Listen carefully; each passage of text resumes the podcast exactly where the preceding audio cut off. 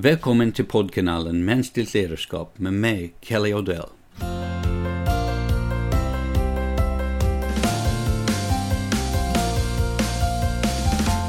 Som många av er kanske redan vet kommer min bok ut på engelska i augusti och i samband med detta var jag i London förra veckan för ett möte med mitt förlag. Det var lite märkligt att vakna upp på ett hotell i ett land som just hade kommit fram till att de inte längre ville vara med i EU. Trots att landet i sin helhet röstade för att lämna EU var just London ett av de områden som inte alls ville lämna EU. Så alla jag träffade var lite i chock. När jag kom fram till mitt möte på morgonen med fem, sex medarbetare från förlaget hade alla ett stort behov av att få prata av sig. De kunde inte fatta vad som hade hänt. Dessa människor är ganska unga, kanske 25-35 år. Eh, och för dem har EU alltid funnits. Till skillnad för många äldre britter var detta inte att gå tillbaka till något tryggt. Det var att gå ifrån trygghet till något okänt. Många av dessa unga människor, även många som är mycket yngre, kan inte förstå hur gamlingar som kanske inte ens lever längre när beslutet är implementerat kan ha så mycket att säga om deras framtid. Vad kan man säga annat än att demokrati är komplicerad? Från ett ledarskapsperspektiv kan man ändå konstatera att något märkligt har skett i flera länder under rätt lång tid. Det kanske är mest märkbart i USA och Storbritannien, men man ser tendenserna lite överallt. Nämligen att våra politiska ledare har tappat kontakt med medborgarna.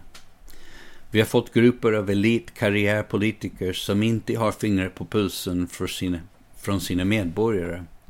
Många uttrycker när de går till valurnorna att de väljer mellan the lesser of two evils, det vill säga att de väljer vad de hoppas är den minst dåliga kandidaten eller partiet.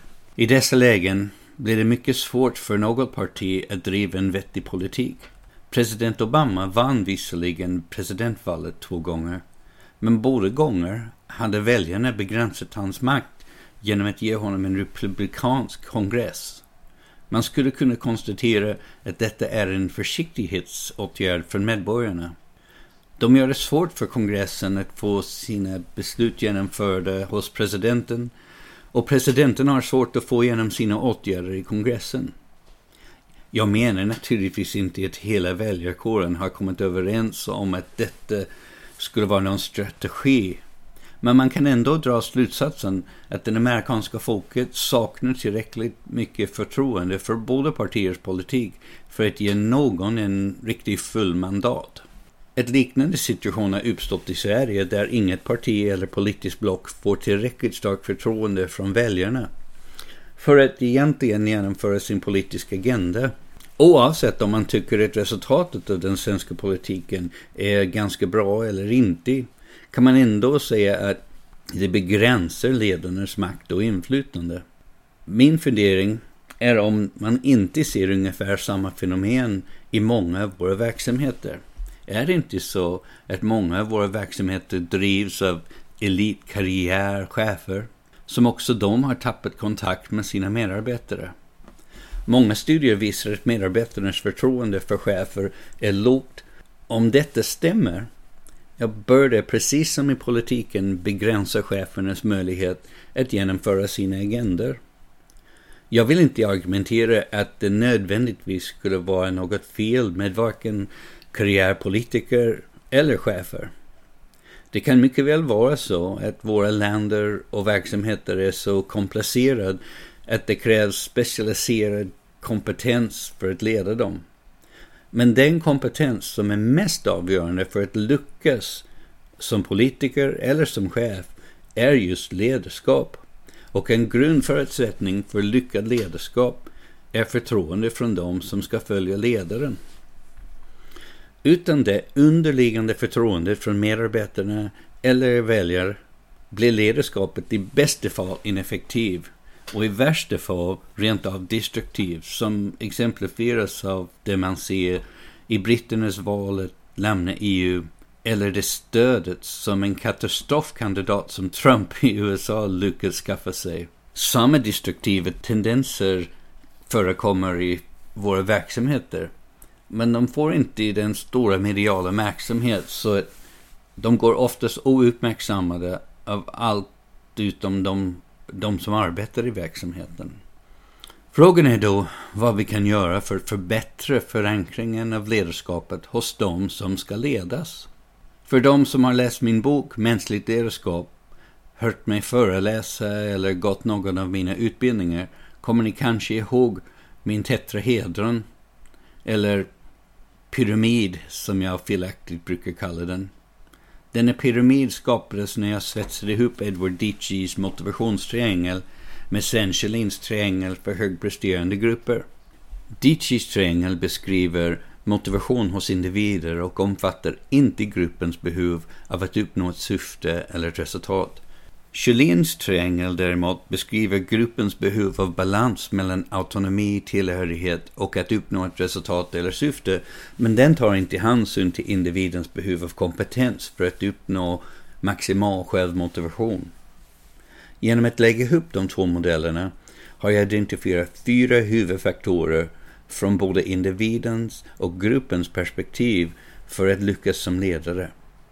Ledare som vill lyckas behöver stödja individens motivation genom att öka deras autonomi, tillhörighet och färdighet och samtidigt skapa en tydlig enighet runt organisationens syfte eller mål.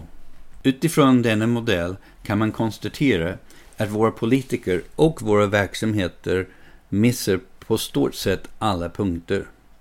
Till att börja med är det tydligt i politiken att det inte finns någon större enighet runt gemensamma mål eller syften för de olika länderna.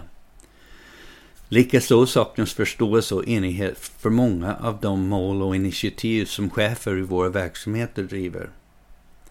Det är kanske också värt att nämna att en viktig förutsättning för att skapa enighet runt mål och syften är att vi delar vissa grundläggande värderingar. Om gruppen inte delar åtminstone vissa kärnvärderingar kommer det inte att gå att enas om målen. Målen och syften måste i alla lägen leda verksamheten mot ett bättre läge. Men vad vi tycker är bättre är resultatet av våra värderingar. Därför kan vissa människor i den politiska debatten tycka att det är självklart att vi ska stödja människor som flyr från krig medan andra tycker att det är lika självklart att vi ska försöka skydda vår egen särart eller egen kultur. Som en kvinna uttryckte det på engelsk TV när jag var där. Vi är ju brittiska människor, sa hon. Vi vill inte att andra typer av människor ska komma hit och ta över allting.